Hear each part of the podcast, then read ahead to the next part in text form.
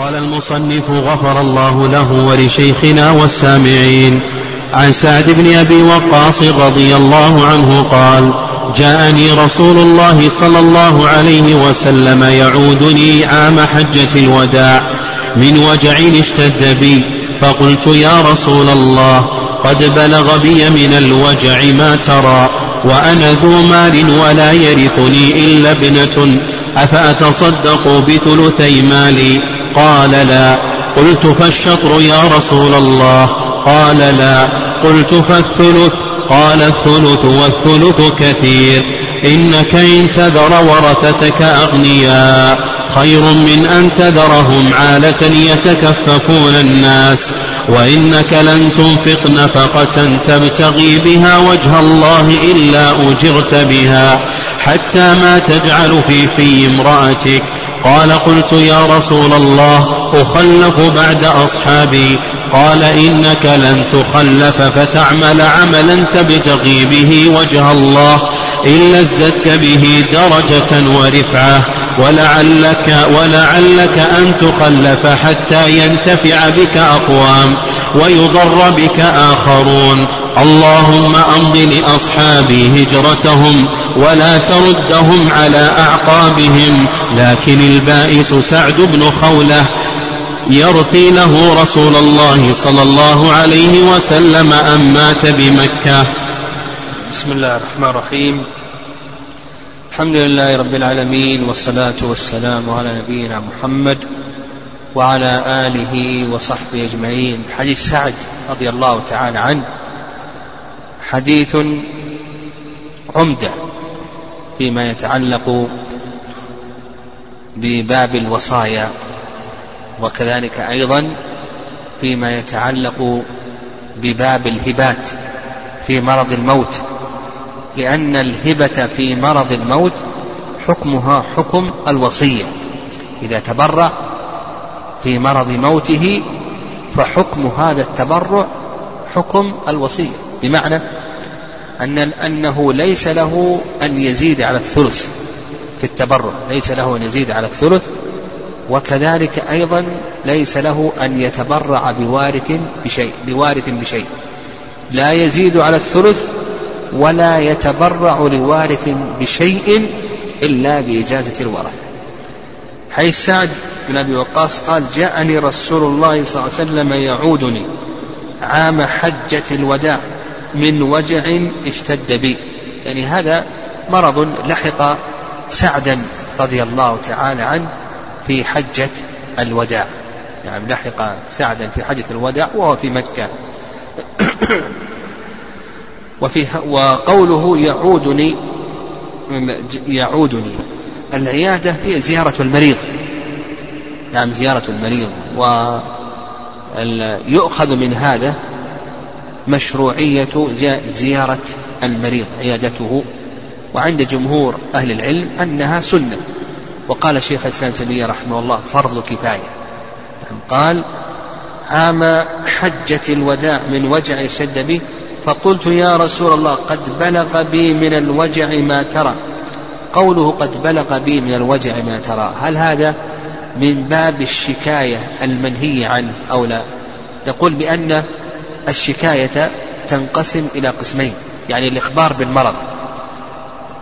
الإخبار بالمرض. هل هو من باب الشكوى إلى المخلوق؟ أما الشكوى إلى الخالق فهذه هذا مستحب. أما يجيب المضطر إذا دعاه. لكن إخبار الإخبار بالمرض نقول بأنه ينقسم إلى قسمين. نعم القسم الأول أن يكون على وجه الجزع والتسخط فنقول بأن هذا مذموم. والقسم الأول أن يكون على وجه الجزع والتسخط فنقول بأنه مذموم. القسم الثاني ألا يكون على وجه الجزع والتسخط وإنما على وجه الخبر الخبر المجرد فإن هذا جائز ولا بأس به. والنبي صلى الله عليه وسلم قال أنا ورأسه. قال أنا ورأسه حديث سعد رضي الله تعالى عنه. قال وأنا ذو مال ولا يرثني إلا ابنة لي. أفأتصدق بثلث بثلثي مالي؟ قال قال قال قلت فالشطر يعني النصف. قال يا رسول الله قال قال قلت فالثلث؟ قال الثلث والثلث كثير. في هذا أن المريض مرض الموت تبرعاته في حكم الوصية. بمعنى أنه لا يملك أن يتبرع بأكثر من الثلث. الثلث رخص له الشارع. كذلك أيضا لا يملك أن يتبرع لوارث بشيء إلا بإجازة الورثة. وهذا ما عليه جمهور العلماء رحمهم الله. وخلافا للظاهرية في هذه المسألة. والعلماء رحمهم الله يقسمون الأمراض ثلاثة أقسام. القسم الأول مرض غير مخوف لا يخشى على صاحبه من الهلاك. فهذا حكم حكم الصحيح. له أن يتبرع بما شاء من ماله وله أن يهب وارثا وغير وارث أن يتبرع لوارث وغير وارث. القسم الثاني المرض المخوف فهذا عند جمهور العلماء أن حكمه حكم الوصية كما سلف. القسم الثالث الأمراض الممتدة. الأمراض الممتدة. فالمشهور من مذهب الإمام أحمد بالنسبة للأمراض الممتدة قالوا إن قطعها بفراش يعني لازم الفراش فحكمها حكم المخوف. وإن لم يقطعها بفراش فحكمها حكم غير المخوف. والصواب أن يقال بالنسبة للأمراض الممتدة كما هو قول جمهور كما هو قول جمهور العلماء أن هذه الأمراض الممتدة ينظر إن كانت مخوفة فالتبرعات حكمها حكم الوصية وإن كانت غير مخوفة فالتبرعات حكمها حكم آه، آه، تبرعات الصحيح قال قال إنك إنك أن تذر ورثتك أغنياء خير من أن تذرهم عالة. أن إنك أن بفتح الهمزة على التعليل. يعني لأنك أن تذر وبكسرها على أنها شرط. يعني بكسرها وكلاهما جائز. وإن كان الأحسن التاء الفتح على أنها تعليلية. الجملة تكون بعدها تعليلية. تذر ورثتك تترك ورثتك أغنياء خير من أن تذرهم عالة. العالة الفقراء. خير من أن تذرهم عالة الفقراء. يتكففون الناس يعني يسألون الناس بأكفهم. يسألون الناس قوتهم بأكفهم. وفي هذا دليل على أن الشخص ممنوع من أن يوصي بأزيد من الثلث لحفظ الورثة لحق الورثة. ليس له أن يوصي بأكثر من الثلث وليس له أن يتبرع إذا كان مريضا. مرض مخوف بأكثر من الثلث الثلث بحق الورثة. وعلى هذا يكون هذا مبني على إجازة الورثة. لو أوصى مثلا بالنصف أو تبرع وهو مريض مرض مخوف بأكثر من الثلث نقول هذا متوقف على إجازة الورثة لأن الحق لهم. فالنبي صلى الله عليه وسلم منع من الزيادة على الثلث لحق الورثة حماية لحق الورثة. وفي هذا ينبغي للمسلم أنه يتدارك في حال الصحة. الإنسان إذا كان الآن في حال الصحة أن يتبرع بالنصف بالثلثين يتصدق يوقف يعتق. لكن إذا مرض الآن مرضا مخوفا ما يملك من ماله تبرعا الثلث. لو كان عنده ثلاثة, ثلاثة ملايين. ثم بعد ذلك مرض مرضا مخوفا فإنه لا يملك تبرعا سواء كان وصية أو تبرعا وهو مريض. مرضا مخوفا لا يملك إلا الثلث. قال وإنك لن تنفق نفقة تبتغي بها وجه الله. قول تبتغي بها وجه الله فيه إشارة إلى الإخلاص. وأن المسلم ينبغي له أن يخلص في آه، آه، في نفقاته وأن يقصد النفقة التي ينفقها أن يقصد بها وجه الله عز وجل. فإنها تنقلب إلى كونها عبادة كون الإنسان يشتري الطعام والشراب واللباس إذا قصد بذلك امتثال أمر الله عز وجل فإنه فإن هذا آه، يقربه إلى عبادة.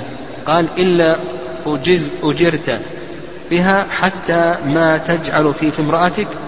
قال فقلت يا رسول الله أخلف بعد أصحابي. قال إنك لن تخلف فتعمل عملا تبتغي به وجه الله إلا ازددت به درجة ورفعة. وكره سعد رضي الله تعالى عنه أن يخلف في مكة وأن يموت في مكة. لماذا؟ لأن هذا نوع من الرجوع فيما أخرجه أو كأنه نوع من الرجوع فيما أخرجه لله عز وجل. فهو ترك مكة لله عز وجل.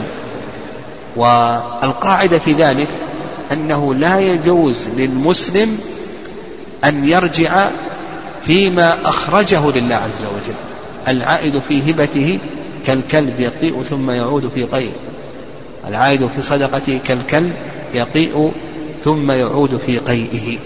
فإذا أخرج شيئا لله عز وجل فإنه لا يجوز له أن يرجع فيه. ولهذا قال النبي صلى الله عليه وسلم يقيم المهاجر بعد قضاء نسكه ثلاثة ثلاثة أيام يقيم فقط. ثم بعد ذلك ليس له آه، أن أن يمكث بل يجب عليه أن يرجع إلى المدينة لأنه ترك مكة لله عز وجل. قال ولعلك أن تخلف حتى ينتفع بك أقوام ويضر بك آخرون. اللهم أمض لأصحاب هجرتهم ولا تردهم على أعقابهم لكن البائس سعد بن خولة. يعني النبي صلى الله عليه وسلم آه، قال ولعلك أن تخلف. وهذا آه، فيه دلالة على نبوة النبي صلى الله عليه وسلم. هذا آه، فيه دلالة على نبوة النبي عليه الصلاة والسلام. لأن سعدا رضي الله تعالى عنه. آه، شفاه الله عز وجل. وفيه آية على نبوته حيث أن سعدا آه، كما ذكر النبي صلى الله عليه وسلم برئ من مرضه وانتفع به آخرون وتضرر به آخرون وما حصل على يديه من الفتوحات في عهد الخلفاء. رضي الله تعالى عنهم. قال اللهم أمض لأصحاب هجرتهم ولا تردهم على أعقابهم. لأنه كما تقدم الصحابة رضي الله تعالى عنهم تركوا مكة وهاجروا إلى المدينة لله عز وجل. فكره سعد رضي الله تعالى عنه أن يموت في مكة وهي البلد التي خرج منها وتركها لله عز وجل. ودعا النبي صلى الله عليه وسلم أن يمضي الله لأصحابه هجرتهم وأن يتوفاهم في غير البلد التي تركوها لله عز وجل. وكما ذكرنا أن الإنسان إذا أخرج شيئا لله عز وجل فإنه لا يجوز له أن يرجع فيه. لكن البائس سعد بن خولة. سعد بن خولة هذا نسب إلى أمه وهو قرشي عامري نسب إلى أمه وهو من جماعة أبي عبيدة بن الجراح رضي الله تعالى عنه. سعد بن خولة مات بمكة ورثى له رسول الله صلى الله عليه وسلم أن مات بمكة. نعم. رثى له الرسول صلى الله عليه وسلم مات بمكة لأن مكة تركها لله عز وجل ومات فيها. يعني مات فيها. وكون الإنسان يموت في البلد الذي خرج إليه. يعني يؤخذ من هذا أن كونه يموت في البلد الذي هاجر منه. آه الذي هاجر إليه. أفضل من كونه يموت في البلد الذي هاجر منه. وإن كان آه، هو لم يرجع ولم يختر ذلك لم يرجع في هجرته ولم يختر لكن ظاهر الحديث يدل أن تمام الهجرة أن يموت في البلد الذي هاجر إليه وألا يموت في البلد الذي هاجر منه وإن كان معذورا لعدم اختياره لكن هذا الحديث يدل على أن تمام ذلك ألا يموت في البلد الذي هاجر منه. المهم الشاهد من هذا لحديث الوصايا كما ذكرنا أن الوصية لا تجوز بأزيد من الثلث ولا تجوز لوارث بشيء إلا بإجازة الورثة وأن قول النبي صلى الله عليه وسلم إنك أن تذر ورثتك أغنياء خير من أن تذرهم عالة إلى آخره. هذا التعليل من النبي صلى الله عليه وسلم يدل على أن المنع إنما هو لحق لحق الورثة. وعلى هذا إذا أجازه الورثة نفذ ذلك. نعم إذا أجازه الورثة نفذ ذلك. لكن هل هذه الإجازة تنفيذ لما سبق أو أنها هبة مبتدأة؟ هذا موضع خلاف. جمهور العلماء رحمهم الله يقولون بأنها تنفيذ لما سبق وعند المالكية يرون أنها هبة مستقلة أو آه، نعم هبة مستقلة مستأنفة تحتاج إلى أحكام الهبة.